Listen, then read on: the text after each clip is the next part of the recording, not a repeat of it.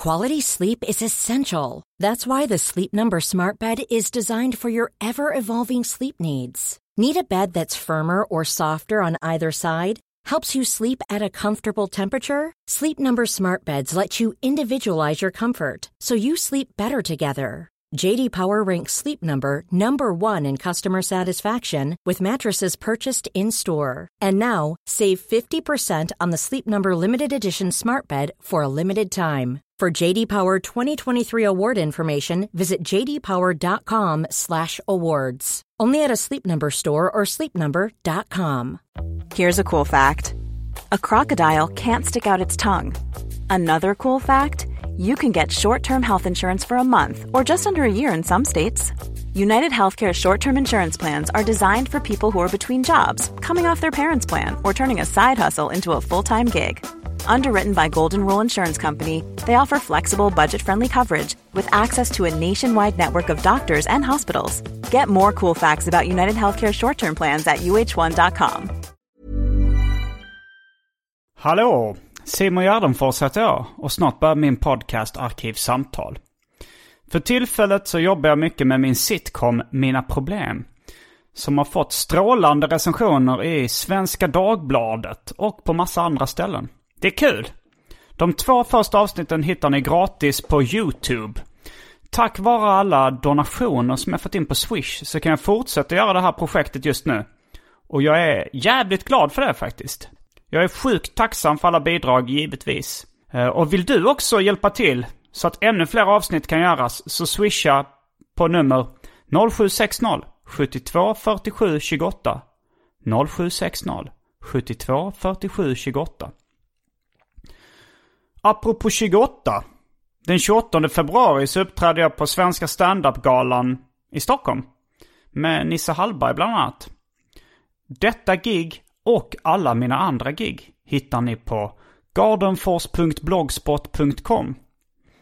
Den här podden får ni också jättegärna stötta på patreon.com arkivsamtal. Genom att pytsa in ett par dollar kanske, per avsnitt. Så att den här moderna ekonomin i den alternativa nöjesbranschen kan fortsätta att funka så bra som den faktiskt gör. Men om du är luspank så kan du väl åtminstone följa mig på Instagram. Där heter jag Gardenfors. Men nu kommer Arkivsamtal som klipps av min redaktör Marcus Blomgren. Mycket nöje!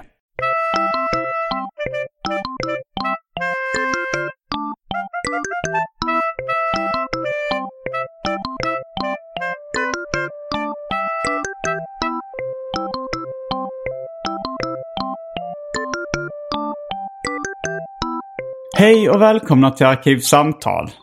Jag heter Simon Gärdenfors och mitt emot mig sitter David Liljemark. Tjofn. Serietecknare och allmän lirare. Mhm. Och återkommande gäst i Arkivsamtal. Jo då se. Idag ska David guida till höjdpunkterna inom seriefandom. Fanzinvärlden. Tecknade serier som ges ut egenutgivna på vikta A4-papper som häftas och distribueras via postorder. Kanske främst fokus på 90-talets publikationer inom den här genren. Jag trodde det skulle vara 80-tal. Tror du det ska vara 80-tal? Ja, Eller jag vet inte, jag har nog inte Alltså, tänkt så jävla långt. Du ska guida till höjdpunkterna helt enkelt. Ja, ja, men jag tänkte att du skulle få lite co-guide också. Um, Så jag inte glömmer något viktigt. Men eh, det var ju inte uteslutande i A5 kan vi ju inflika. Det fanns ju A4 och A6 och det fanns väl någon enstaka A7.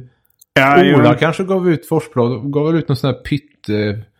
Någon gång säkert också, som såg ut som hette de? konfetti. Muxi? Nej, Ja, jag vet inte. ihåg. Men... Mm. Jag fick en fråga på eh, Facebook-chatten för inte så länge sedan. Det var någon som undrade vilka som ingick i Fandom. mm, Och då sa att ja, men till att börja med får man väl gå igenom personregistret i Fanzine Index 2001. ja. Och eh, i och för sig där kan du faktiskt lista en del som var mer aktiva enbart ovan jord. Men Vi kanske ska berätta plus de lite- som kom efteråt. Jag är mycket, jag är mycket för den kommunikativa aspekten i Arkivsamtal. Jag vill gärna att lyssnarna ska ha en chans att förstå lite också. Så Fandom kan vi börja berätta vad det är för någonting kanske. Alltså det är väl ett begrepp eh, som jag tror första gången jag känner till det. Alltså det är ju en samling av fans kan man väl säga. Det användes mycket om science fiction-fans, liksom science fiction-fandom. De liksom, kanske då i USA som var väldigt intresserade av science fiction. Bland annat skaparna av uh, Stålmannen, Joe Schuster och Jerry Siegel. Eh, de hade ju liksom fanzine, där de, alltså egenutgivna tidningar där liksom de samlade eh, fansen av science fiction. Mm. Och sen så i Sverige kom då seriefandom. Folk som gav ut seriefanzin, det vill säga egenutgivna serietidningar. Men då var det ju mer tecknade serier. Det var ju mer egentligen liksom egenutgivna tidningar snarare än liksom textfanzine, en te- text liksom där man fokuserade på att man var ett fan av serier. Fast det var ju liksom insändarsidor och lite ledare och sånt som ändå liksom där eh, som samlade seriefansen liksom. Ja, just det. Jo, det är ju så fort det fanns något sånt där som någon tidning som höll igång några nummer och ehm, med brevspalter och sånt där. Då blir det ett visst häng Ja. utöver så här mässor. Men sen fanns det ju andra. En grej som är väl, väldigt bortglömd nu är en sån här som Comicase eller Comicase. Var det en seriefanzine? Det var ju annonsfanzin. Jag gjorde väl omslag till några enstaka men det är ju fullständigt ersatt av ja, Tradera eller motsvarande. Mm, att man så, köpte och sålde serier i... Ja. Kom, jag, jag var aldrig inne i komikaze-svängen. Men, Nej. eh, Men i alla fall. men fan, seriefandom... Jag tänker då att det var främst de som höll på med seriefanzine på kanske 80 och 90-talet. Ehm, ja, att det får, de som har tillkommit får vi ju inte glömma bort. Uh, Alla, hela gänget ja, som brukar sitta på, 00-talet. eh, på SIS och kränga där på vårkanten. Och, jo, jo, och nu är det ju en ny seriefandom kan man väl säga då. Men, men, jag fandom vet är inte fandom.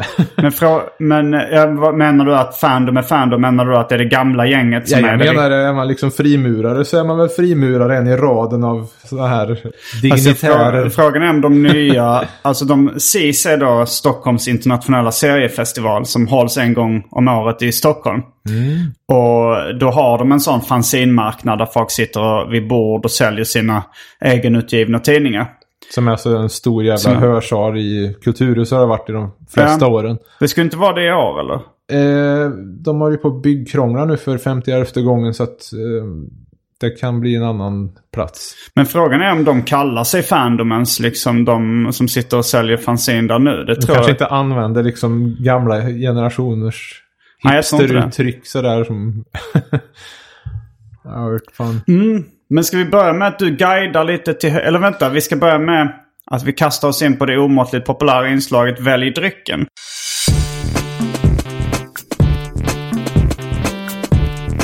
Jag tror vi börjar med det fasta inslaget Välj drycken! Eh, men då har vi Big Wave-öl, Baileys, Faxekondi. Big Wave. Mm. Det är en hawaiiansk öl.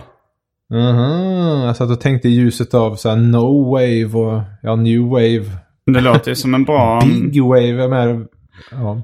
ja. Biggan Lundborg som var en textare. Jag nämnde faktiskt henne häromdagen med vilket namn. Biggan Lundborg. Hon textade tecknade serier på, ja.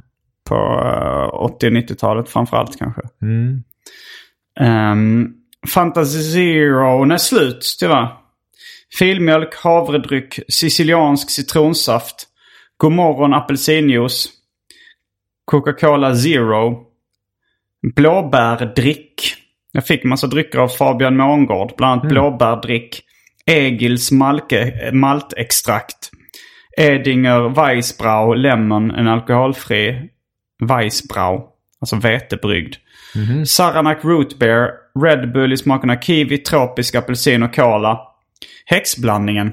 Det vill säga alla drycker som fanns i min kyl innan den genomgick en så kallad corporate rebranding. Hur mycket har du kvar av den där nu? Ja, det är inte många som dricker i den. Nej, jag har förstått det. Är det en petflaska full? Ja, eller det är väl liksom en, eh, 33, pipett? kanske en 33 centiliters flaska. Och för tråkmånsar och nysare, vatten. Mm. Nej, men jag tar det där Ehm. vattnet då. Du tar vatten. Jo, jag funderar lite löst på havredryck, men eh, nej, vad fan, det får räcka med gröten i morse. Mm. Det är starkt att du ens funderar på något annat än vatten.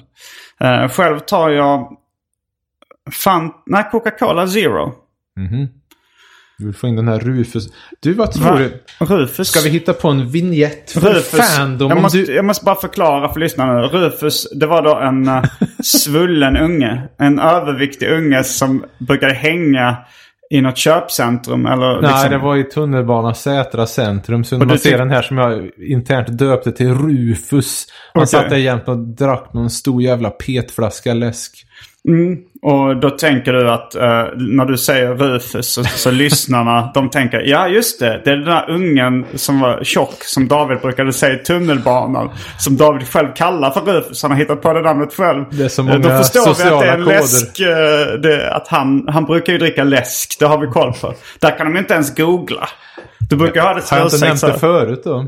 Ja det kanske du har. Men jag vet Så en inte. true lyssnare vet väl mycket väl vem Rufus är. Det är inte helt hundra på att Det fanns en ganska förklarat. snyggt tecknad serie som heter Rufus med någon sorts vit, jag vet inte fan om han var isbjörn eller hund.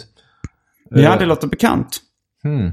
Jag funderar på om vi skulle ha en vignett för Fandom. Om du Okej. väser Fandom när jag vinkar in dig. Eh, Okej. med ska- Azorerna-rösten så börjar vi här nu. Okej. Fandom. Vänta, jag skulle vinka in dig också. Okej. Fandom. David har tagit med sig en liten gonggong.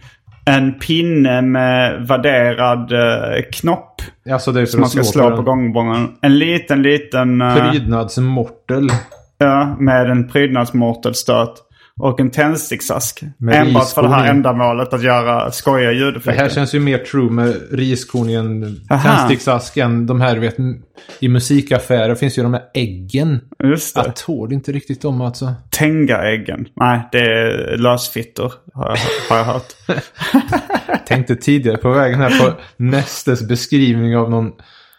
Då- Nestle, en serietecknare. ehm, när han stapplade ut och såg att hans kompisar kollade på någon Malgorzata Kubiak-film. Och Vem- beskrev det som äh, någon sorts filmkonstnär Mm. med vissa performance-ryck tror jag. Performance-rykten. Ryck. Ja, ja, eller ja, mer filmare än väl. Mm. Men det var väl ofta rätt vågat. Performance-ryck sa du inte rykte. Jag tänkte att han hade Ryck. rykte om sig att göra performance. Nej, eh, Han fick ryck ibland och gjorde hon, hon, performance. Hon. Malgorzata var det. Vad heter hon? Malgorzata, hur man nu uttalar det ordentligt. Malgorzata i förnamn. Kubiak. Kubiak i efternamn. Okej. Ehm, ja, I alla fall så var det väl på filmen så höll hon väl på och onanerade. Men hon, han, Nestle beskrev det som att hon bläddrade försturet i kartoteket av lövbiff. Det lät ju... Nestle Lite- som sagt. Ja, han är ju kanske för poddlyssnare idag mest känd som en återkommande gäst i Snedtänkt. Med Kalle Linds Mm, och podcast. moralgranskare. Muralgranskaren är han också. Han har kanske outats som... Jo, jo, det har han gjort. Han har ut album också. Men framförallt så är han väl någon sorts... Ja, jag vet inte. En, en, en förebild. en allmän lirare. Mm. En språkkännedom av Guds nåde. Vad var det vi skulle ha drycker? Ja, det skulle vi. Vi snöade in på Rufus. Eh, jag vet inte varför du kom in på uh, Du skulle dricka läsk. Lövbiffskartoteket från det. Vi ska inte förklara eh, kopplingar för mycket. Okej, men eh, då är vi strax tillbaks med dryckerna. Kända från det omåttligt populära inslaget Välj drycken. Häng med!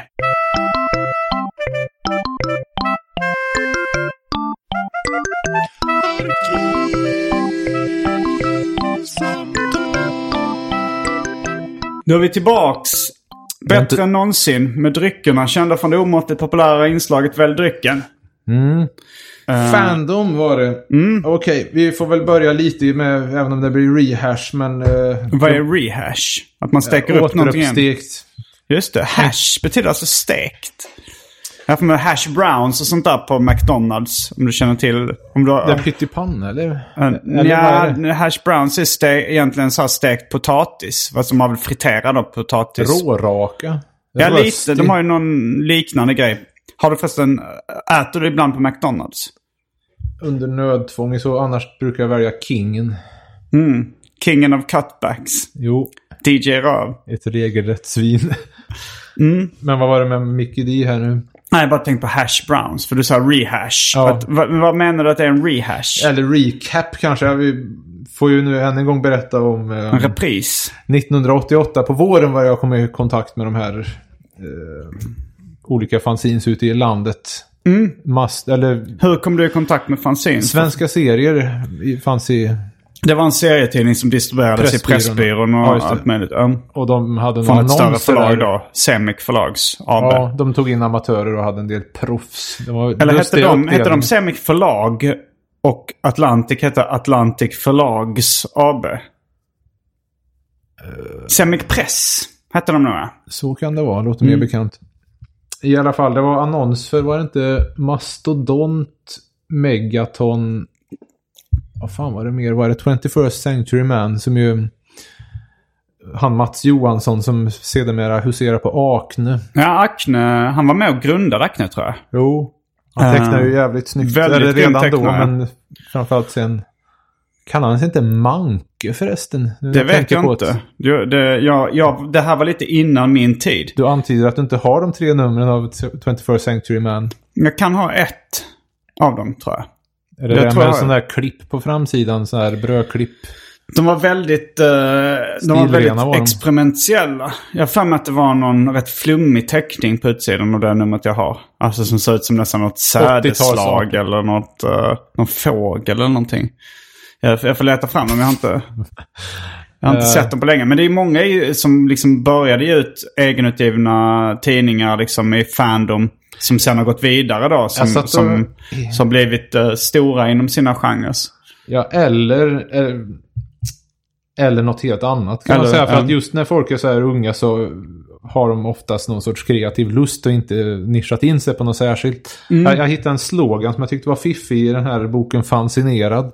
Vad är, eh, boken Fanzinerad är alltså en bok som handlar om fanzines. Som Eh. Lystring gav ut så har gjort ännu mer reklam för Fredrik. Fredrik Jonsson har varit gäst här och han har ett förlag som heter Lystring. Men den är ju då eh, ja, en bok som listar alla... Vad, vad, vad, är, det, vad är sales pitchen på det? Eller vad står Ja, det, det handlar för? om fanzine så då är det automatiskt intressant. Vad är det för egen del så skriver jag om fem, nej tio. Ja men vilken årtionden är det liksom? Det är, Mest 90-tal och framåt Ja. var det väl. Vad står det på utsidan? 90 till 2005. Okej, ja den handlar I om fanzine. Ja, det är, nu, du blandar ihop det med fanzinindex. Men Ja, eh, den har vi också. Det är ju ja, det är ett ännu index, viktigare liksom en lista på Fanzine-index 2001 har ju intervjuer och ett extremt analt index fram tills då. Just det. Tack det vare Ingmar. två böcker om svensk seriefanzinkultur då. Mm. Nej, jag hade en slogan där. I den där så skrev jag om tio av mina egna och tio andra favoriter. och eh, sloganen var att har du koll på underjorden har du koll på framtiden. Ja, men det är en bra slogan. ja, det, det stämmer rätt bra. För jag tänkte på sådana här lirare som i Fitzo så var ju till exempel han Niklas Laban Olsson med. Och jag undrar ju ett tag, för jag träffade honom på någon seriemässa då. Det var en serietecknare. Jag känner inte, jag har inte så bra koll på. Ja, men Laban, han tecknar i David Liljemarks gamla fanzine då. Fitzo. Några till. Mm. Ja. Men eh, han bytte namn till Stårvind och är sedermera känd som sångare och gitarrist i Wolf. Det vet som- jag inte vad det är. Det är ett hårdrocksband och Mm. jag citerar eh, Marcus eh, Ivarsson som sa Wolf, det är väl metal utan att vara fjantigt. det är seriös metal. nej, nej då. Det var, väl, nej, men utan det, humor. var, det var bra utan att vara löjligt helt Mm. enkelt. Det var bara så här hederlig gammal metal. Eller den här Jon Örmeskog var med med någon ensida som sen var keyboardist i Silver Bullet för oss som gillar Mm. musik med distad elgitarr. Ja, men det, det kanske är en uh, av höjdpunkterna vi ska guida till. Alltså, folk som höll på med seriefanzine på den tiden som sen har blivit kända på andra sätt. Reine Brynolfsson. Marek Kandre inte minst. Reine Brynolfsson, men han var han i Fandom? Han tecknade väl i svenska serier någon gång, men gjorde han fanzine också? Då går vi, det här vi har liksom... Då går det till, han går till läggen, tar upp fanzinindex. Ja, nu ska vi se, jag borde komma ihåg det i huvudet men jag har inte det där fanzinet. Uh, brr. Raid idag, För er som inte känner till Reine Brynolfsson. 415, 499. Men vad är han mest känd för som skådis? Han är med i Änglagård. Alltså vad är hans mest kända roller? Linné. Linné? ja, han spelar Linné en gång. Jag tänkte att om jag hade fått göra Carl en, von Linné? om jag fick göra en rockvideo med låten Alströmer Disco som handlar om potatis. Mm. Så finns ju raden eh, Linné was so imp- eh, impressed in Allingsås. Och då skulle man då hyrt in Reine Brynolfsson och reprisera sin roll som Linné och jag skulle vara utklädd till Ahlström i sin 1800-talsperuk. Och Om det är någon som vill crowdfunda det här så, så skulle min... Men vad eh, är hans mest kända roller? Alltså vilka är de storfilmerna eller tv-serierna han varit med i som är mest kända? Vi spelar med Norén och sånt här. Vi har gjort massa. Eh, nu ska vi se. Pinter! Han gav ju fan ut den till och med. Reine Brynolfsson Malmö och Rudi Hagopian Göteborg. Tidningar på engelska. Vänta nu, övriga nummer var annat än C. Detta var 1978. Men nummer 6 Då jag tyckte. Ingemar var värd att ha med. Eh, nu ska vi se. Och det var en... Vad, vad sa du? Då föddes jag, 1978. Mm. När de- moddat over! Ja! Vad sa du? Du är moddat kingen där va? De mådde jag. Ja, det hade jag. Han var med i Svenska serier också, mycket riktigt. Nej, men det kommer jag ihåg, för jag, så, jag köpte ett gammalt nummer av Svenska serier så var det en bild på nummer hans ansikte. 279. Uh, det var innan han blev känd skådespelare. Men han, är han den liksom från Fandom som... Ja, han kanske är den som har blivit mest känd då. Vi har ju även eh, Gustav Skördeman som gav ut en massa Ja, han var- seriefanzin. eh, som var en av dina... Du, när jag frågade dig vilka som var bäst fanzin så nämnde du... Det var väl 21st Century Man, eller nej? Vad gav, nej, Nu, nu rör ut- ihop det här. Ja, det gör För jag. Sanctuary Man var ju Mats Johansson. Ja, men vad gav Skördeman ut för Det fanzin? var Steve Stainless, Steve Stainless och var det. Och Skördeman eh, är numera en tv... Mm, eh, mest bakom kulisserna i tv. Men han skrev väl manus till Rederiet en gång Ja, i tiden. han det. Det var när, tyvärr när Rederiet var som sämst. Och sen så var han med nu och gjorde... Han mm, har tecknat lite grann igen har jag sett på fejan. Han regisserade motorcykelkriget med Carl Stanley och Marcus Berggren. Det är det senaste på SVT Play. Jaha. Var det senaste. Då träffade jag honom också. Jag gjorde ett Du har studie... träffat honom? Jag tror jag bara morsat på honom typ Serieexpo 91 när han sprang förbi. Jag minns att han hade långrock som nästan såg lite så här liberal ut. Ja, men jag har träffat honom många gånger för han... Många är- gånger och säger inget. Vad fan? Har jag inte sagt någonting? Ja men vad Just- fan! Alltså det är ju någonting, apropå fandom så är det ju Mm. de som var aktiva i generationen precis före ens egen. Eller nu var det viss överlapp för han hade ju ändå med någon kort grej i Fitz och sådär. Mm. Det är ju ändå något magiskt över dem där för att då har man den här blicken som 14-åring på någon blicken. som kanske är fem år äldre eller någonting och tyckte liksom oj vad chef. Eh, eh, nej men han är ju ståuppkomiker också tror jag. Alltså han var väl det en gång i tiden. Han är i alla fall... Han var väl inblandad i det där, glöm inte tandborsten. Var han det? Det På tv-programmet? något sätt. Med Joakim Geigert. Hagge Geigerts biologiske son. Som programledare. Mm. Eh, det var han säkert. Han... Gestus Hagge, uppfört Gestus Hagges biologiske son. Ja, det skulle man inte banga. Ja, det var ett tv-program då där man eh, kunde vinna en resa. Och grejen var, liksom gimmicken var att eh, man skulle då direkt efter tv-programmet så skulle man ut på resan. Så det var därför man skulle ha med sig tandborsten till studion liksom så att man skulle kunna åka Och skämtet var att produktionsgruppen hade fört upp tandborsten i anus. Och de hade liksom en jättestor tandborste i studiomiljön. Liksom en gigantisk som en, en, eh, Han fick en det här. Ja, det, jag vet inte om det var till och med ett internationellt koncept de hade köpt in. Har jag för mig hört. Det floppade i alla fall i Sverige. Men eh, han var ju med också, körde man en del i uh, Tegebjörs tidningar. Eller han hette Svensson då, seriefloran och sådär. Mikael Tegebjer som var med och grundade Grundade Optimal Press. Press som då Bengtsson. liksom ett serieförlag som gav ut mycket av de här eh, fanzintecknarna som sen gick vidare. Bland annat David Liljemark. fanzinrotat. Ja. Eh, men i alla fall, jag ska berätta när jag träffade Gustav Skördeman. Det var, han var ju då, jag tror han, var, han satt i juryn när jag körde stand-up debuterade. Mm. Det var den tävlingen Bungee Comedy. Förmodligen röstade han mot mig då eftersom jag inte gick vidare överhuvudtaget. Oj, oj, oj, oj. Eh, jag skulle gissa på att han gjorde det. Men sen var jag med i samma jury också. Um, eh, när, I Bungee Comedy när jag satt i juryn också. Då i, I Grums faktiskt. Och då satt du och sa så här USA min son, USA. Ja just det, det är ett citat från då Steve Stainless som jag brukar citera. Där, där, det är någon Han konstig... bryr sig faktiskt inte. Han bryr sig faktiskt inte. Det är en skämtteckning där de kollar Alltså på... det var egentligen inte så här tydliga skämt. Det var Nej, någon sorts repliker som svävar. Det var, det, det var någon, en som står med sin biologiska son och tittar på Jesus, eh, Jesus på korset och lite andra. Står och kollar. Det var väl bara i bakgrunden. Ja det är de kanske. Så så säger han USA min son, USA. Eller alltså, jaha, det där. den, den teckningen. Blanda ihop teckningen. Ja. Eh, Nej men en annan, alltså det finns ju en del sådana här... eh, Lars Andreasson är väl den, om jag hade haft en podd, Mm. eh, då skulle jag väl vara bland de första jag skulle vilja ha som gäst. Men Mm. grejen är att han verkar ha vänt ryggen fullständigt åt seriefandom. Till skillnad från sin eh, bror Johan Andreasson, eh, tecknare och var redaktör för Mad, precis som du var sen också. ja, väldigt kort tid. Men, Men ändå. Mm. Gänget av... Jag ska bara en sista grej om Gustav Ja, förlåt. för han, när, han, han var, när han regisserade motorcykelkriget med Carl Stanley, Marcus Berggren och det gänget så gjorde jag ett studiebesök där. För då, då hade jag planerat att göra Mina problem. Min sitcom på Mm. Mina YouTube. problem som Ingvar Carlsson säger. Ingvar Carlsson. Ja, var det inte Ingvar Bengtsson som du Nej. sa? Kedjorna. Nej, nej. Vem säger kedjorna? Alltså, Kedjorna skulle så- Ingvar ha sagt om bokkedjorna. Däremot Ingvar Carlsson, han pratar Aha. alltid om problem. Då har jag blandat ihop det. För du sa så här som...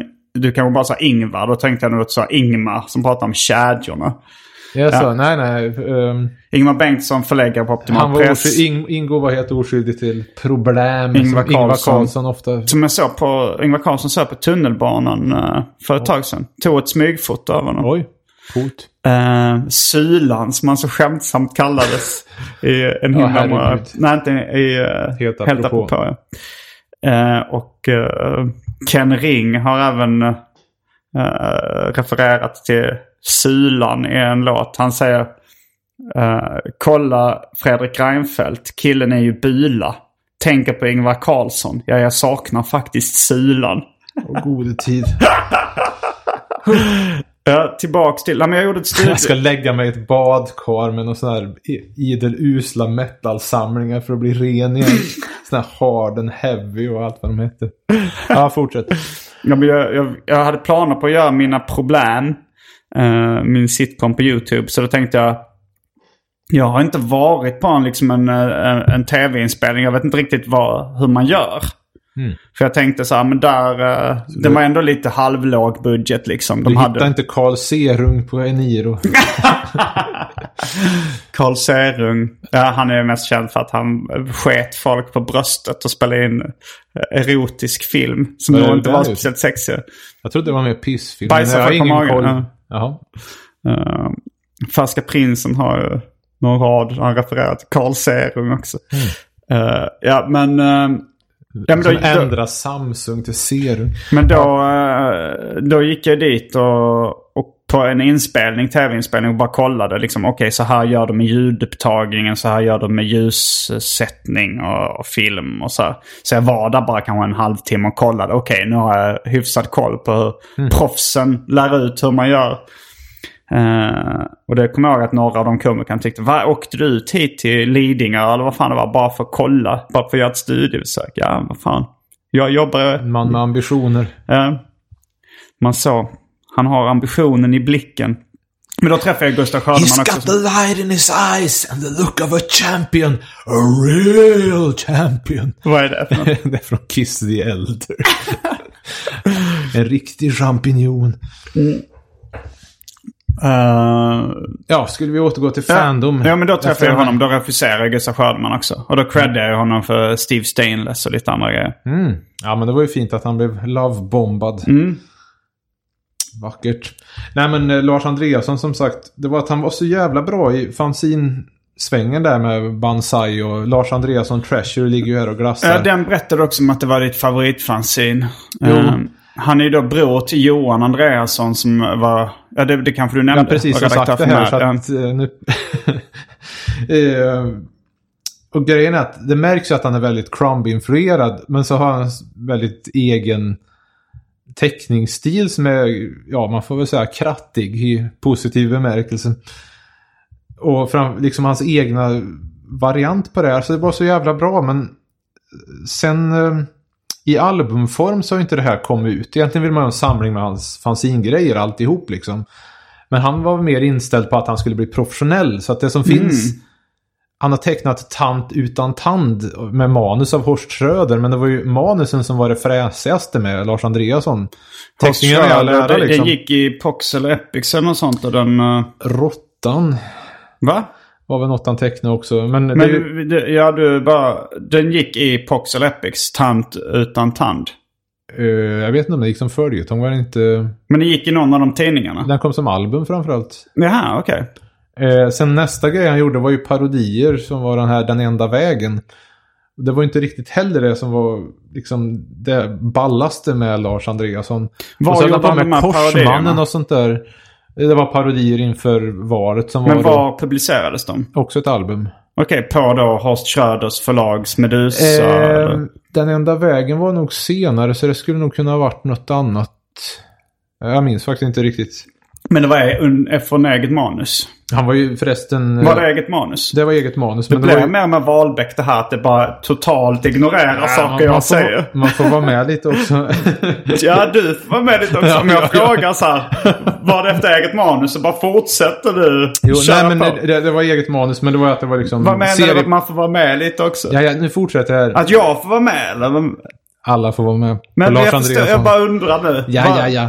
Vad menar du med man får vara med lite också? Ja, jo, men kan jag ha gjort research innan höll jag på att Men säga. det, du menar att jag ska ha gjort researchen innan? Om... Ska vi hänga upp oss på det här? Eller ska jag fortsätta? Det börjar bli tragiskt. Eh, det var att det var serieparodier och att det handlade om valet, vilket ju inte var det roligaste liksom som han kunde göra, tycker man. Eller jag i alla fall. Eh, och Korsmannen skrev han väl manus till och så var han väl redaktör för Stålmannen och sånt där. Vem då? Eh, fortfarande Lars Andreasson. Var han redaktör för Stålmannen? Ja, På... ett tag. Jaha. Ja, nej, jag försöker bara göra det här Ja. begripligt. Alltså sådär. Men då, Jo då. men då, det ignorerar du helt. Du, Nej, bara men, så här, eh, du tycker att folk ska ha läst på. De ska veta det här innan. Jag menar, om jag... Eh, I alla fall, någonstans, och det vet jag inte riktigt vad, men... Han blev liksom bränd på hela seriesvängen så att han vill inte ha någonting med det att göra. Nähä. Eh, nu vet jag inte om man kan ha tinat upp någonting vad gäller detta. Det- Man kan ju alltid hoppas men... När eh, försvann han från seriesvängen? Det måste väl ha varit... Men han var jobbade ganska kort efter den där enda vägen. Typ en bit in på 90-talet kanske. Men han var redaktör för Stålmannen på liksom ett större förlag då. Semic förlag. Semic Press eller något sånt. Jag träffade på någon, någon av de här tidiga seriemästarna jag var på. Jag har någon idolfoto. Mm. Det är ju för sig finns en bra serie som gick i Tots tidskrift om tecknade serier som var någon sorts extra bild och bubbla på um, före vår tid. Bild och bubbla kan vi nu förklara då att det är seriefrämjandets tidskrift om tecknade serier. Nu tycker du det är löjligt att förklara det. Hör man på din röst att du tycker det, det är helt meningslöst? Nej, jag, jag tycker Bild och bubbla är framförallt känt som ett stående skämt där typ seriefandom ofta har sparrat mot för att se för ofta varit, de gillar alla serier. Och utan urskiljning, vilket seriefanzine-fandom ofta vill ha mer underground-serier. Ja. Också att kvaliteten har varit sjukt ojämn på tidningen. Det var väldigt bra när Horst Schröder var redaktör ett kort tag. Och det har ju funnits stunder både sen också. Men nu på sistone så har ju layouten varit fullständigt bedrövlig. Och ja, Layouten, vad ja. innehållet? Men hur som helst. Och då, det för oss ju faktiskt in på det här igen. Eh, att Lars Andreasson tillsammans med Gunnar Krantz gjorde ju parodi på dem, eh, Bild och Bubbla, som då hette Böld och Fibbla. Som också är en viktig grej. Och när de blir trötta på att parodiera så börjar de, för att det skulle vara så tråkigt som möjligt, köra självbiografiska grejer. Men alla tyckte att det var ju jätteintressant och bra. Och där kom ju Gunnar Krantz in på ett spår som var Ja, de jävligt... gjorde självbiografiska serier i Böld och Fibbla? Ja. Okej, och det var, hade ingenting att göra med att det skulle vara en parodi på Bild och Bubbla? Nej, de gjorde ett nytt nummer så skulle det vara självbio för att tråka ut folk. Jag vet inte hur de tänkte Aha. Ja, men det var ju det var intressant. För självbiografiska serier är ju... Ja, det är ju en eh, väldig nyckel där att genom parodin gå vidare. Och det finns en i Tot skulle jag säga. Fick jag kopia från Fredrik Jonsson. Eh, för jag hade. Tidskrift om tecknade serier. Mm, det var... Eh, jag tror man ser första sidan på den serien i, i det här fanzinindexet. Där, just det, här har vi. Oj, oj, oj. Ja, men där, där han sitter och bestämmer sig. Han sitter och ska göra några serieparodier och han är så jävla trött på Vem det. ska göra det? Lars Andreasson, det är självbiografisk serie. Han tycker att nej, riktiga serier, det ska vara så här, det är bara jag som går runt och pratar och sen är det en sida som väl, där det inte händer någonting med att han håller på att pladdra på så pratar om någon skiva och så Just det, det visste ni inte. Ni lärde er någonting. och sen slutar likförbannat med att han, ja jag tar väl och gör en parodijävel igen då. Vilket är ju ganska, det är ju som ett järtecken för vad som komma skall. Vad betyder järtecken? Ett omen. Mm. Ett um, förebådande om att, ja det blir ju sen hans jädra album Den enda vägen. Vi också ser parodier och inte skärp bio, tyvärr. Mm.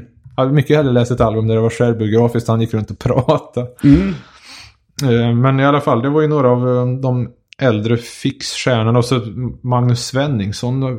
Just det, honom har Det är vi ju väldigt pratat mycket om. killar här ska ju sägas. Det är först... eh, vi- vi kan nämna Susanne Kraus, undrar jag vad blev av henne. Var med i norska om. serier. Det var Var lite som hon en...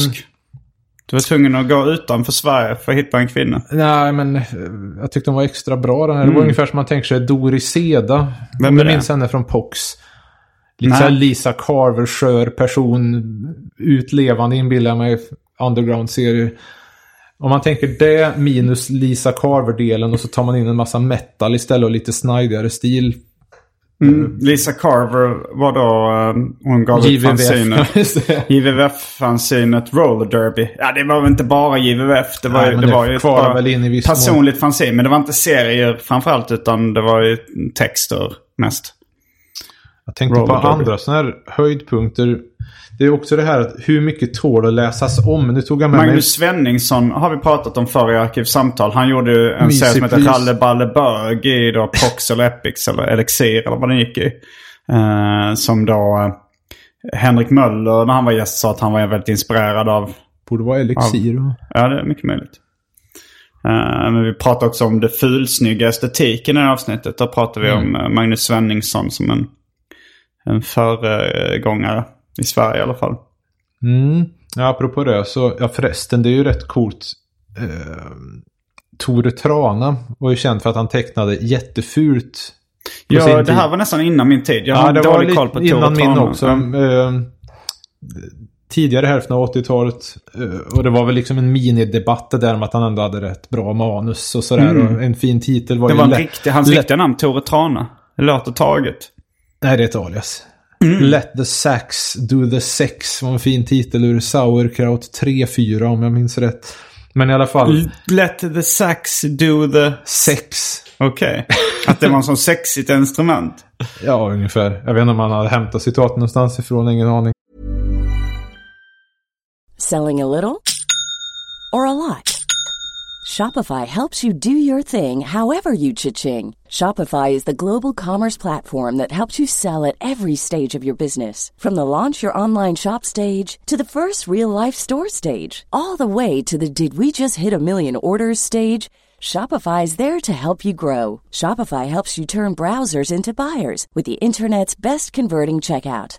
36% better on average compared to other leading commerce platforms because businesses that grow grow with Shopify. Get a $1 per month trial period at shopify.com slash work. shopify.com slash work. A lot can happen in three years, like a chatbot may be your new best friend. But what won't change? Needing health insurance. United Healthcare Tri Term Medical Plans, underwritten by Golden Rule Insurance Company, offer flexible, budget friendly coverage that lasts nearly three years in some states. Learn more at uh1.com. Quality sleep is essential. That's why the Sleep Number Smart Bed is designed for your ever evolving sleep needs. Need a bed that's firmer or softer on either side? Helps you sleep at a comfortable temperature? Sleep Number Smart Beds let you individualize your comfort so you sleep better together. JD Power ranks Sleep Number number 1 in customer satisfaction with mattresses purchased in-store. And now, save 50% on the Sleep Number limited edition Smart Bed for a limited time. For JD Power 2023 award information, visit jdpower.com/awards. Only at a Sleep Number store or sleepnumber.com. Men i alla fall, det lustiga apropå det här med oanade comebacks var att han hade ju gjort någon sorts industrikassett när det begav sig. Mm. Eh, och inte nog med det, utan bara här om året nu gett ut en LP. Mm. Alltså det låter ju skitbra. Jag Under vilket namn då? Tore Trana. Den Aha. fanns på Pet Sound, så jag tror Larrys Corner har några. Och Mm. det finns, han har en egen sån här Tore Trana Facebook-sida också. För, för, undrar om det inte finns Bandcamp också. Det det är bra grejer. Alltså egentligen Det ju- finns på hemsidan Band, Bandcamp. det finns på YouTube. finns någon gammal eh, Super Och det är 8-film-grej också. industrimusik liksom. Nej, den nya är mer rock och gitarr. Det- Han hade ju liksom så här punkdragningar också. Det är distad elgitarr så du kanske Jag sätter en mig. parentes. Men eh, äh, musiken har väl egentligen sprungit om där. Särskilt det nya för att det är oerhört häftigt. Liksom, här sitter jag med en jävla Tore Trana LP i näven. De här, vad är chanserna? Det är så jävligt kul. Han gästspelar ju förresten med um, Fetched by the Goat för ett par år sedan på en Mm, låt. du känner Tore Trana? Ja, det är mäktigt. Men Mm. så är det. Eh, I alla fall, eh, så, apropå sånt. Jag minns det som en oerhörd fa, liksom, fanzinkänslan i Missprint nummer 5. Peter Danielsson i Örebro. Ja, där började jag... eh, alltså när Peter Danielssons teckningar var jag väldigt, väldigt inspirerad av. Kanske Jo, du också? Framförallt, jo, jo, jag och Uffe-Puffen, vi dyrkar honom verkligen. För jag var ju väldigt inspirerad av dig när jag började. Då, då liksom nästan ritade jag av din tecknarstil. Men sen så när jag upptäckte eh, Peter Danielsson så tänkte man okej, då såg man ganska mycket var din och Ulf Johanssons tecknarstil kom från. Man tror ju Och- att det är Bagge och han har ju också, Peter Bagge är väl inte riktigt, eller Peter Bag då. är ju jättebra men det är inte den direkta influensen för Danielsson heller. Det är inte det? Nej, jag var mer inne på Skip Williamson och så börjar man med liksom fetare tuschning. Alltså Ja. Skip Williamson hette han, inte bara Skip Williams. Skip Williamson. Ja. Ja, när jag upptäckte honom, en amerikansk underground-serietecknare, blev jag också ganska såld på hans tecknarstil. Det var skitcoolt. Ja. Alltså det det påminner rätt mycket om Robert Crumb, men eh, eh, han är inte lika känd och vissa grejer är lite eh, nästan snyggare tecknat tycker jag på vissa sätt. Eh, vad, vad sa du? Vissa... Skip Williamson kan ibland te- teckna Okej. coolare än Crumb tycker jag. Alltså det är mer cartoonigt på något sätt.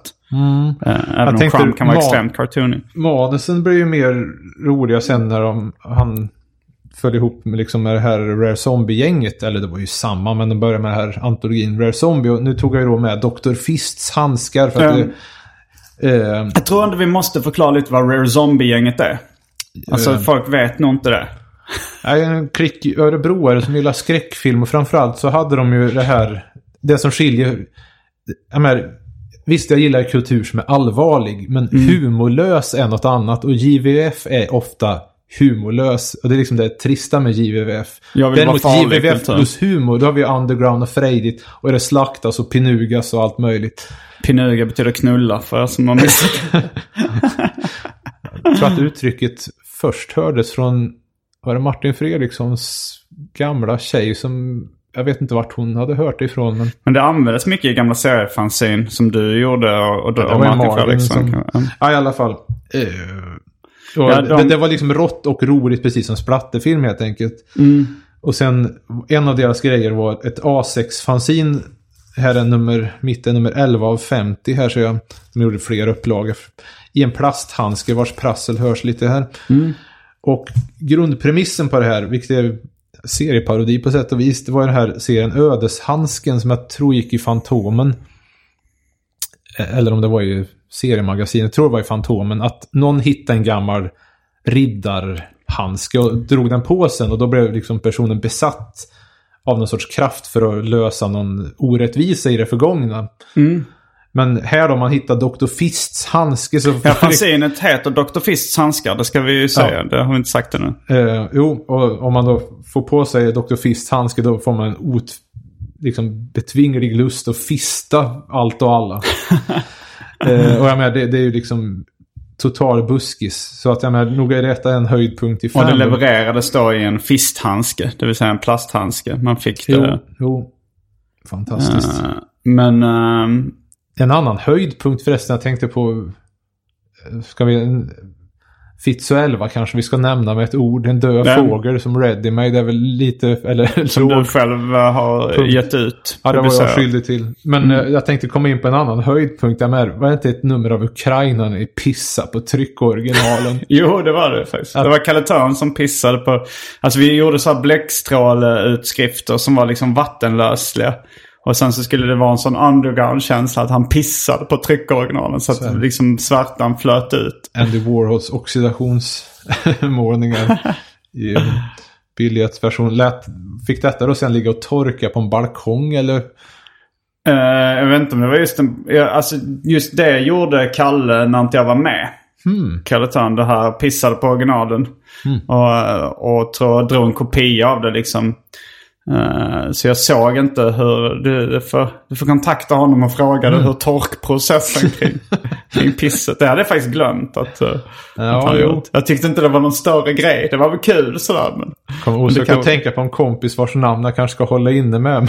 Men ja, han och hans kusiner skulle ha alternativ melodifestival när han var liten.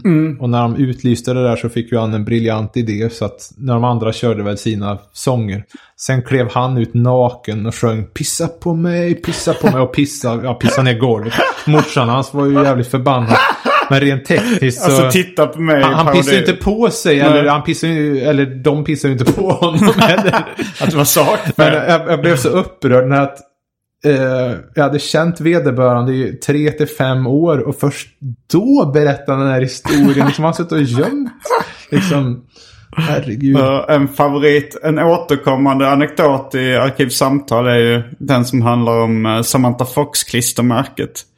Det det här berättat- låter det? bekant. Ja, jo, det här har jag hört. Ja, den tål upprepas. Det var då eh, en kompis i Hjärup och hans uh, lillebrorsa. Uh, och det var någon av dem som då hade ett Samantha Fox-klistermärke. Samantha Fox var då uh, en av 80-talets största sexsymboler. Uh, och sångerska.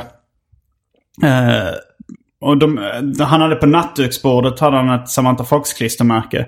Som de då, det här var väl liksom, de var väl prepubertala liksom. Var kanske runt tio allihopa. Och, och så tyckte de det klistermärket på henne, hon var väl lättklädd där då, att det var ganska sexigt. Och så eh, var det väl någon som liksom eh, pussade på det här klistermärket. Och sen så, så blev, det, blev det en tävling vem som kunde göra snuskigast grejer med klistermärket. Så det var någon som, så här, som liksom grovhångla kysste klistermärket. Eh, så var det någon kanske som juckade mot det. Och sen så vinnaren av tävlingen, han tog fram kuken och började pissa på klistermärket. Det var riktigt snuskigt. Herregud alltså. Jag tänker på den där, men den har vi väl talat om nog många gånger. Den här oförglömliga eller fullständigt bedrövliga grejen i den här Katarina Wenstam-boken. Om det var Flickan och skulden eller Ja, efterföljaren. Eller den, jag kommer inte ihåg ordningen på de där. Det var liksom någon bedrövlig så här, gruppvåldtäktssituation. Och så var det en kille i gänget som skulle vara med men liksom inte riktigt vågade och sa att jag pissar i kondomen. Alltså... Ja jävlar. Så erbarmligt. Det är ingen ände på det. Men eh, i alla fall. eh, Nu fortsätter guiden Jo, en annan grej. Fast det är liksom så här stories ur fandom på något sätt. Jag får också mörka namnet för det kan vara känsligt. Men en person som du och jag känner som gav ut fanzines. Eh, han tecknar efter en annans manus. Det är den här andra personens namn som vi kan mörka. Jag vet fortfarande inte vem du pratar om så... jag- vi kan säga att personen kallades Eron. Tecknaren Okej, här. um, gav ut ett fanzine som var mycket bra och så. Och så tecknade manus åt någon. Jag minns inte vad serien hette, men jag kommer ihåg historien sen att den här andra personen hade slutat äta sin medicin mot någon psykisk åkomma om man var schizofren eller någonting. Och rätt vad det var skickade honom ett av ovanligt bisarrt manus inbillar jag mig. Eh, och mycket pengar i kuvert för att han skulle trycka den här serien i färg för att den var så viktig liksom. mm. Och det var ju på den tiden när man var ung och liksom 100 spänn var en förmögenhet ungefär. Eh, och Så så, då- hade han fått för sig att han var en kattmänniska och kallade sig för feliner. Och, Feliner. Ja, Tror jag har hört storyn som. Jaha, feliner. Är det så det ska uttalas? Eh, Jag tror det. Du kan Feliner nästan är väl läsa vad jag har hört. det. eh, när jag hörde då Eron berätta den här historien. eh, om, det var då Eron hade kontakt med den här killen som sen kallar sig för Feliner. Som, som då skickade pengar för att han skulle trycka Feliners manus. Att Ja, teckna göra och trycka serien den. och teckna. Ja, just det. Och teckna serien och trycka den i färg då. Men han, Och det var väldigt udda manus. Det var något konstigt. Jag vet inte vad det handlade om. Jag tror inte han drog kopia. Jag får nog fråga honom om det flera gånger där. Men han, jag tror han skickade tillbaka alltihop och liksom tyckte att det blev för sjukt alltihop. Mm. Annars Det låter mer som en, kanske en manodepressiv person och när han är manisk då så, så det är får han för sig att det här Men just det är här så bra. att se sig vara en kattmänniska. Ja men det är ju kanske bara en tidig furry. Ja, i och för sig. Det finns ju grejer att rationalisera det mesta. Uh, jo men det låter ju lite, lite udda. Mm. Jo men sen så tror jag att den här Feliner, Jag har inte hört Eh. något mer om honom. Men jag menar att han typ sökte upp Eron också kanske. Alltså... eh, åkte dit. Jag åkte till hans föräldrar eller något liknande. Jag har för mig det var någon sån, sån del av storyn.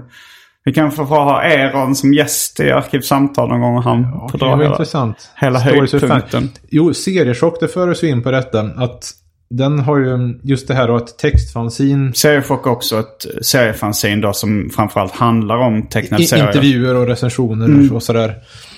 Eh, och den börjar väl halvpåvert. Det var Kristoffer Ekman och Thomas Fels och jag undrar om inte jag ingick i någon mån i någon tidig redaktionsprototyp. Var det de som grundade tidningen? Ja, eh, och sen efter ett tag så tog Erik över som redaktör. Erik, eh, Eh, Uppe, Nilsson. vad hette han då? Men nu med Uppenberg. Nilsson. Ja, Uppenberg heter han nu. Ja, Uppenberg nu. Eh, och eh, sen Fredrik Jonsson som vi har nämnt, jag vet inte hur många gånger här. Eh, men alltså det var ju oerhört bra med de här längre intervjuerna med Mats Jonsson inte minst. Ja. För att inte tala om den här dubbelnummer, eller dubbelnummer, eh, nummer 14 från december 94, intervju med Dag Nessle och Daniel Ahlgren.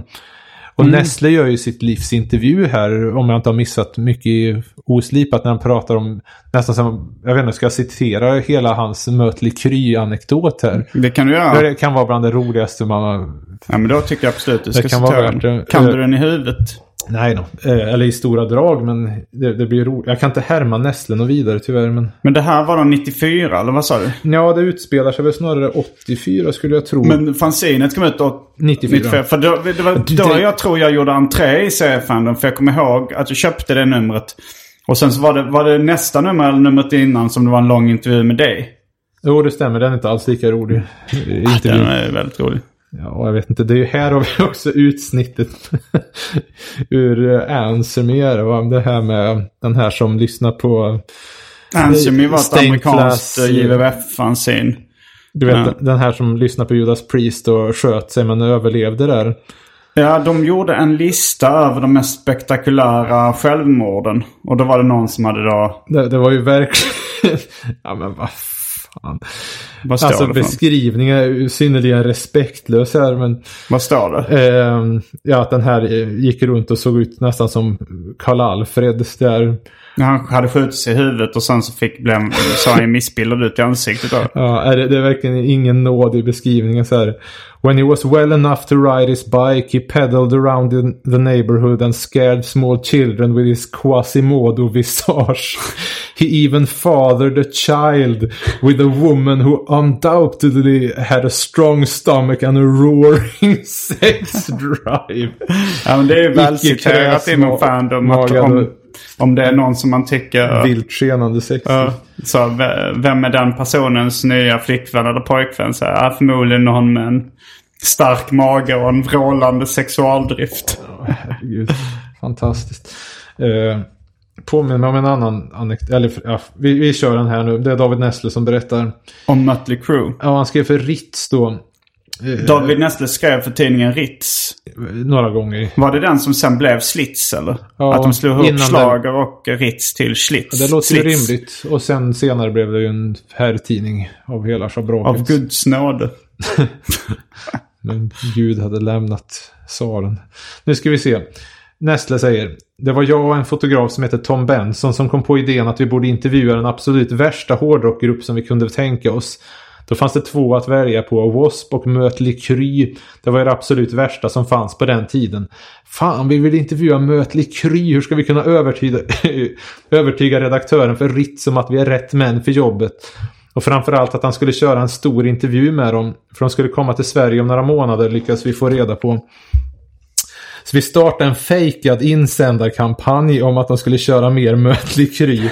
Vi satt och spånade som fan. Vi började med att skriva ett brev av en alkoholiserad resande försäljare av disktrasan Mirakelsuget.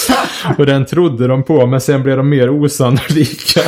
Tom hade en samling olika brevpapper så vi skrev på alla de olika sorterna. Det var någon maskinistavdelning inom Göteborgs sjöfartsförbund någonting. Och då var det en maskinchef där som gillade mötlikeri. Så var det pastorsämbetet på Hisingen. Eh, det blev bara värre och värre. Så hade han faktiskt kungens brevpapper så vi skrev en insändare från kungen.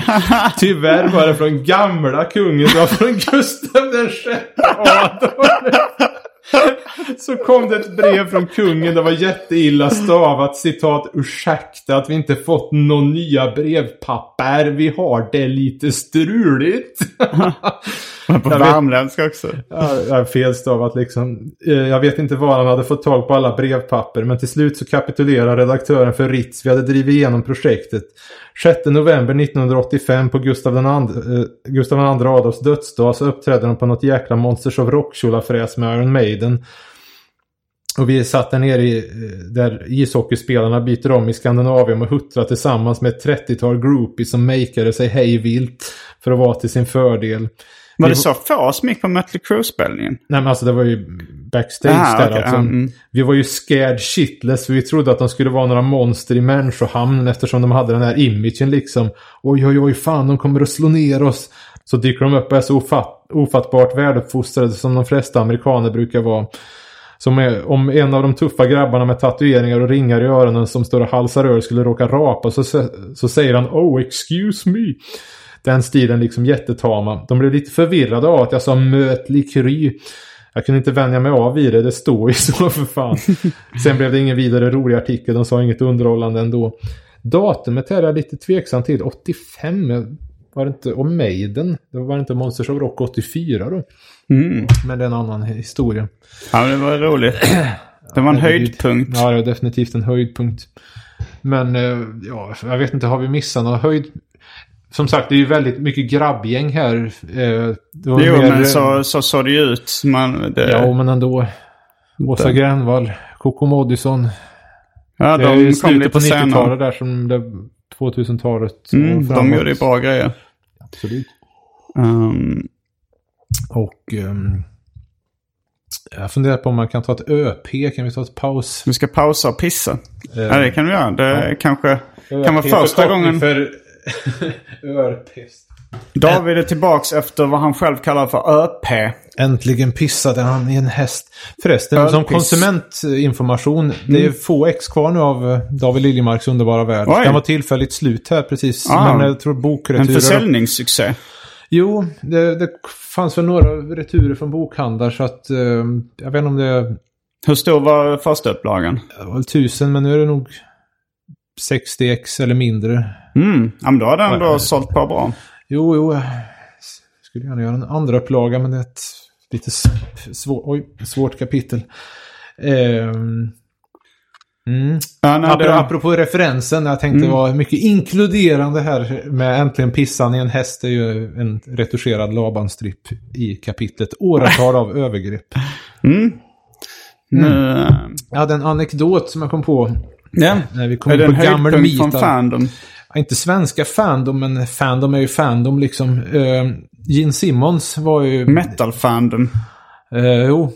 Eller ja, seriefandom. Eh, han gav ut fanzines också. Va? Seriefanzine? Eh, ja, de handlar väl mer om, men det var väl något tecknat omslag. Och det gjorde han ju för övrigt tillsammans med den här, vad heter han, Steven Coronel tror jag, som var med i bandet Wicked Lester som sen blev Kiss. Och han skrev ett par låtar och framförallt så är han dömd för eh, innehav. Det känns som ditt uh, återkommande inom metal-fandom. Det var ju någon Manowar, Ja, just det. Carl Logan, fy fan. Child Nej, alltså det här är Pornography ju, han har ju varit i pornography periferin. Han har ju liksom... han var med i början och den där skulle jag nästan kunna säga inom seriefandom i värsta fall. Vad? Att, eh, Steven Coronel. vad skulle man kunna säga inom seriefandom? Ja, för han, den här, han var ju ingen rockstjärna. Han försökte väl givetvis mjölka sin koppling till Gene och att han hade varit med och skrivit Going Blind och She.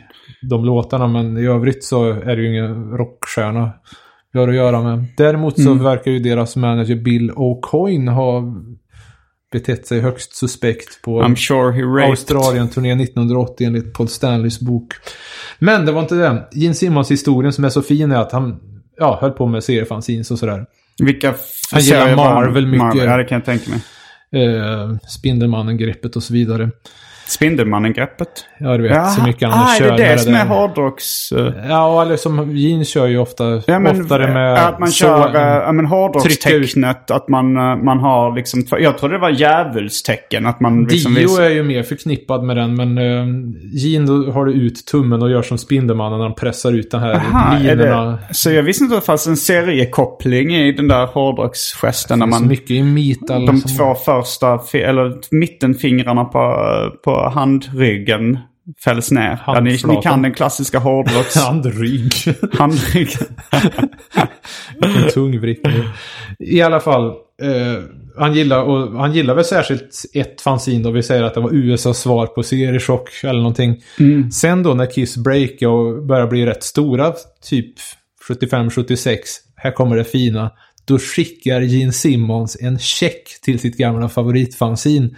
Och vi har då att göra med en person som åtminstone utåt gjort sig känd för att vara girigheten och gnidenheten själv. Jag menar, det är en sån fin gest. Gene är gniden. Ja, jo, han har ett... Ja. Känd för att vara sneak-Gösta i bött. Så ja, det, det, är ju, det är ju så fint liksom att han betalar tillbaks till fandom. Det är Hur så mycket vet du hur så mycket det finns var? Inte. Nej, jag vet inte fan. Var det en generös summa? Det var det väl med den tidens pengamått. Vem är Sneak-Gösta? Sneak-Gösta var väl vedernamnet på en som hade Skåre Livs i Skåre. Där du kommer ifrån. Yes. Vad var han sniken? Nej, det vet du fan. Det var... Ja. Jag ska inte snacka skit om Gösta. I och för sig, det var... Nej. Nej, har och du hade en fråga också sa du? du Jo, jag tänkte på det här, du vet tv-programmen med kulturpersonligheter eller kulturkändisar eller musiker. Äter och dricker gott och framförallt grinar. Du vet, de får inte ut någon bonus Ja, om som- de inte grinar. Som uh, Stjärnorna på slottet och Så mycket- Um, jag har inte sett något av dem faktiskt. Eh, men jag har talas om att de Ja. gråter mycket. Nej, proppen gick väl ur totalt när hon i Sounds började liksom tjuta för att Darin väntar på flygplatsen hade med sig en jävla kexchoklad och hon blev så fruktansvärt rörd. Ja, men då fattar man att okej, det finns en grinbonus här. Du- Grinar ni så får ni fördubblat arvode. Grinar ni fler gånger så bara tjicka ching Men vadå, hade Darin väntat på flyg... Du, du kollar på det här programmet ja, alltså? ja, det var länge det. sedan det där. Och Eh, Maja i The Sounds, eller hette Mm. inte det? De försökte liksom marknadsföra ihop som att de hade något på gång eller någonting. Mm. Alltså totalt eh, så här tv-style. Alltså, Maja Ivarsson hette hon till och med. Mm. och så skulle de väl åka ner vart det nu kan ha varit. De var Ja. Malmö kanske. Och där står Darin och skulle möta henne på flygplatsen. Mm. Och då hade han med sig en kexchoklad, förstår du? Som man skulle ge till henne? ja, Visste han fick. att hon gillade det eller? Det vet det fan. Nej. Och då började hon gråta för att hon blev så Ja, hon rörd. blev så fruktansvärt rörd över att han hade med en kexchoklad. Ja, men okej om det var en Rigi, för det hade ju varit rare. men... Nej, fy fan. Okej, om jag åker någonstans och någon möter mig med en äkta Rigi, då, då ska jag väl också kunna klämma fram något. Fan, Eller det blir nog fullständigt genuint liksom. Här, darrande underläpp och liksom total skvar. Men man tänker ju liksom att grinar de då får de ut bonusen. Jag, jag tänkte om det fanns någon sån här Frasier moment. som det blivit väldigt rörd inom fandom. Så här, så här, finaste du har upplevt inom fanzine fandom. Ja, men det måste ju finnas några... eh, ja, men till exempel när... eh, under Simons 120 dagar när uh, Bromander och, Hanna Pettersson hade gjort en, en födelsedagsfest åt mig. Oj. Och eh, hade bakat någon speciell tårta och, eh, och hade liksom köpt godisförpackningar. eh, som de visste att jag gillade så. Då blev Oj. jag ändå lite rörd. Att Vi jag måste bak- köra vignetten igen.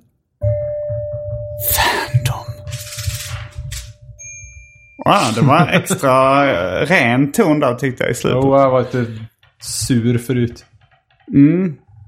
Ja, då blev jag rörd. Ehm, jag ska fundera Det, på det det... slår ju en kexchoklad på flygplatsen rätt Ja, nej, men det finns faktiskt skildrat i Simons 120 dagar. Eh, nu måste jag se vad det var förutom godisförpackningar. Jag går till läggen. Tar fram boken Simons 120 dagar. För det var ju då jag, jag fyller år. Jag fyller 29 tror jag när jag... Under den här resan. Alltså... eh, Skulle du beskriva livet som en resa? Fan, det var gött häng i Homemade också, apropå brevsidor. Homemade Comics. Ja, brevsidorna i Fandom var ju alltid Och han håller ju på svinroliga. än. Om det är någon som tycker att den behöver köpa något så finns ju Homemade Comics fortfarande där. Plutonium har ju också dragit igång. Eller det var länge sedan nu men... Känner ibland att han kanske skulle dra upp Fitzo igen men jag brukar Jag ska dra en mig. höjdpunkt från brevsidorna i Fandom som jag tyckte var jävligt rolig. Eh, jag säger Åh Brobander, du hade inte behövt. Så är det exotiska god godisförpackningar, prinsesstårta och paj, allting hembakat. Eh, men en höjdpunkt in, på, från brevsidorna inom seriefandom det var då i Ögrar Comics. Som Ja, gavs ut som gavs ut av eh, Martin då Fredriksson, numera Lexelius och uh, Måns Mernsten. Måns Mernsten. Som, Känd från Lundafunken. Ja, han är- han har gjort sig känd i... Han har varit med ibland... Flabbergast och Ja, och- Damn. Damn! Som har spelat med Timbuktu. Eh, men där var det då uh, Ola Forsblad som är... Var det den här anekdoten du tänkte på som var... Det lär det vara. Uh, Ola Forsblad eh, skrev eh, in till brevsidorna. Och Ola Forsblad stavar sitt efternamn med två S. Alltså Fors... F-O-R-S-S-B-L-A-D. Och då så hade de då i något nummer eh, skrivit fel. Alltså de hade, de hade skrivit Forsblad med ett S. Eh, när han hade skickat in brev. Och då så skickade Ola Forsblad in ett nytt brev där han skrev eh, Makulera genast hela upplagan. Eh, jag heter Ola Forsblad med ett S. Med, med två S. Ja, med två S. Inte med ett S. Eh, och de svarade okej Fors. för Fors. Men vad fan ja, är- men vad fan är splad? Och sen så då kom det ett nytt brev från Ola Forsblad som är så här. Jag kommer från ett ställe som heter Fors med två S. Eh, eller min släkt kommer därifrån. Något splad existerar alltså inte. Och då så svaret på det brevet var Fors med två S ja. Men vad fan är splad? Ja, klassiker. Antihumorns kungar. Mm. Förresten, apropå... Nu kommer jag ju, vet inte hur det gick till, men jag kom in på det där. Men eh, kändisar äter och äter och gott och grinar och... Mm.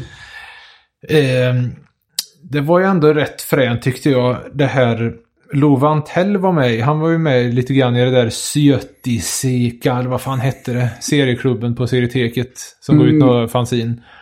Just det, de gav ut ett seriefanzine som hette något som betyder vårtsvin på finska eller något liknande. Eh, och... eh, Och Love Antell var, ja, han, Jo, han- han var var ju med med, där och- Så mycket bättre. tecknare och så här, utöver att han då är känd som eh, musiker och sångare. Mm.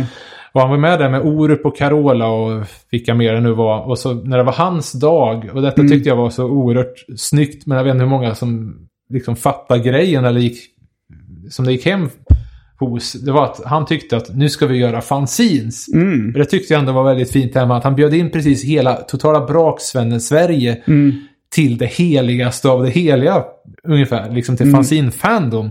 För mig, det blir ju ibland lite tjoigt och liksom tjofaderittan. Det här med att fanzines det är så fint och hej och hå. Sen om man börjar tänka på högstadiet, hur det var innan. Så liksom, det är klart att man hade tunnelseende. För det var ju ungefär som om man bara var fast och nöjd i en livboj och slapp drunkna ungefär. Så man bara, fanzinen "Nej, var idag." din livboy. Eh, ja, något sånt där. Ja, jo, jo men det tycker jag. Eh, Jo, det var ju det viktigaste i mitt liv under en lång period. Fanzin. absolut. Eller jag menar, vi hade ju inte varit bekanta annars. Nej. Tror jag. Eller? Ja, jag upptäckte det kanske i och för sig i- mainstream-serierna. Alltså så här, nej, Python då. Alltså Ja, det var det. då jag såg det. Men, eh, men sen så var det ju fanzine-världen som ändå blev den stora. Ja, Mats eh, och Fredrik Jonsson och eh, ja, hela fandom som sagt. Jo, det var ju då jag- flyttade till Stockholm ganska mycket i, i, i samband med liksom att jag lärde känna fandom. Att jag lärde känna Fredrik Jonsson och Mats Jonsson och började hänga här i Stockholm och, och runt millennieskiftet. Mm. Och resten är Ja, i så mått var det Som ju vi fandom säger. som drog mig till Stockholm. historia. Det var fan, David Liljemark hjälpte mig in, ett citat som du brukar citera. Jag kommer inte ihåg var jag sa det någonstans. Det var någon tidig Någon intervju. intervju. Där jag berättade att du hjälpte mig in i seriebranschen. Jag vet inte om du tänkte att det var en sexuell anspelning eller Det så. låter ju som om någon står liksom ett skohorn när någon ska liksom pinuga. ska hjälpa in. Det är ungefär som den här satirteckningen över någon kung eller någon bakom som står och getar på. Jag minns inte riktigt vilken kung, men jag tror den där gick i Galago någon gång. Länge sedan. Ja, men i alla fall i det här programmet, jag vet inte, Carola och Orup, jag vet inte hur mycket de kunde gå loss på sitta och göra de här fanzine. Synd att de, de borde egentligen ha auktionerat ut dem där. Man hade velat läsa. Carolas fanzine. Som hon gjorde Jag hade där. velat.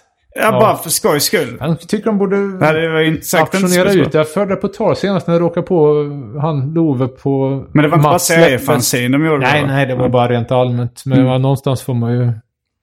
Någonstans måste Börja. man sätta ner foten. Och med de orden så avslutar vi veckans avsnitt av Arkivsamtal. Jag heter Simon Gärdenfors. Jag heter David Liljemark. Fullbordat samtal. Uh! Uh!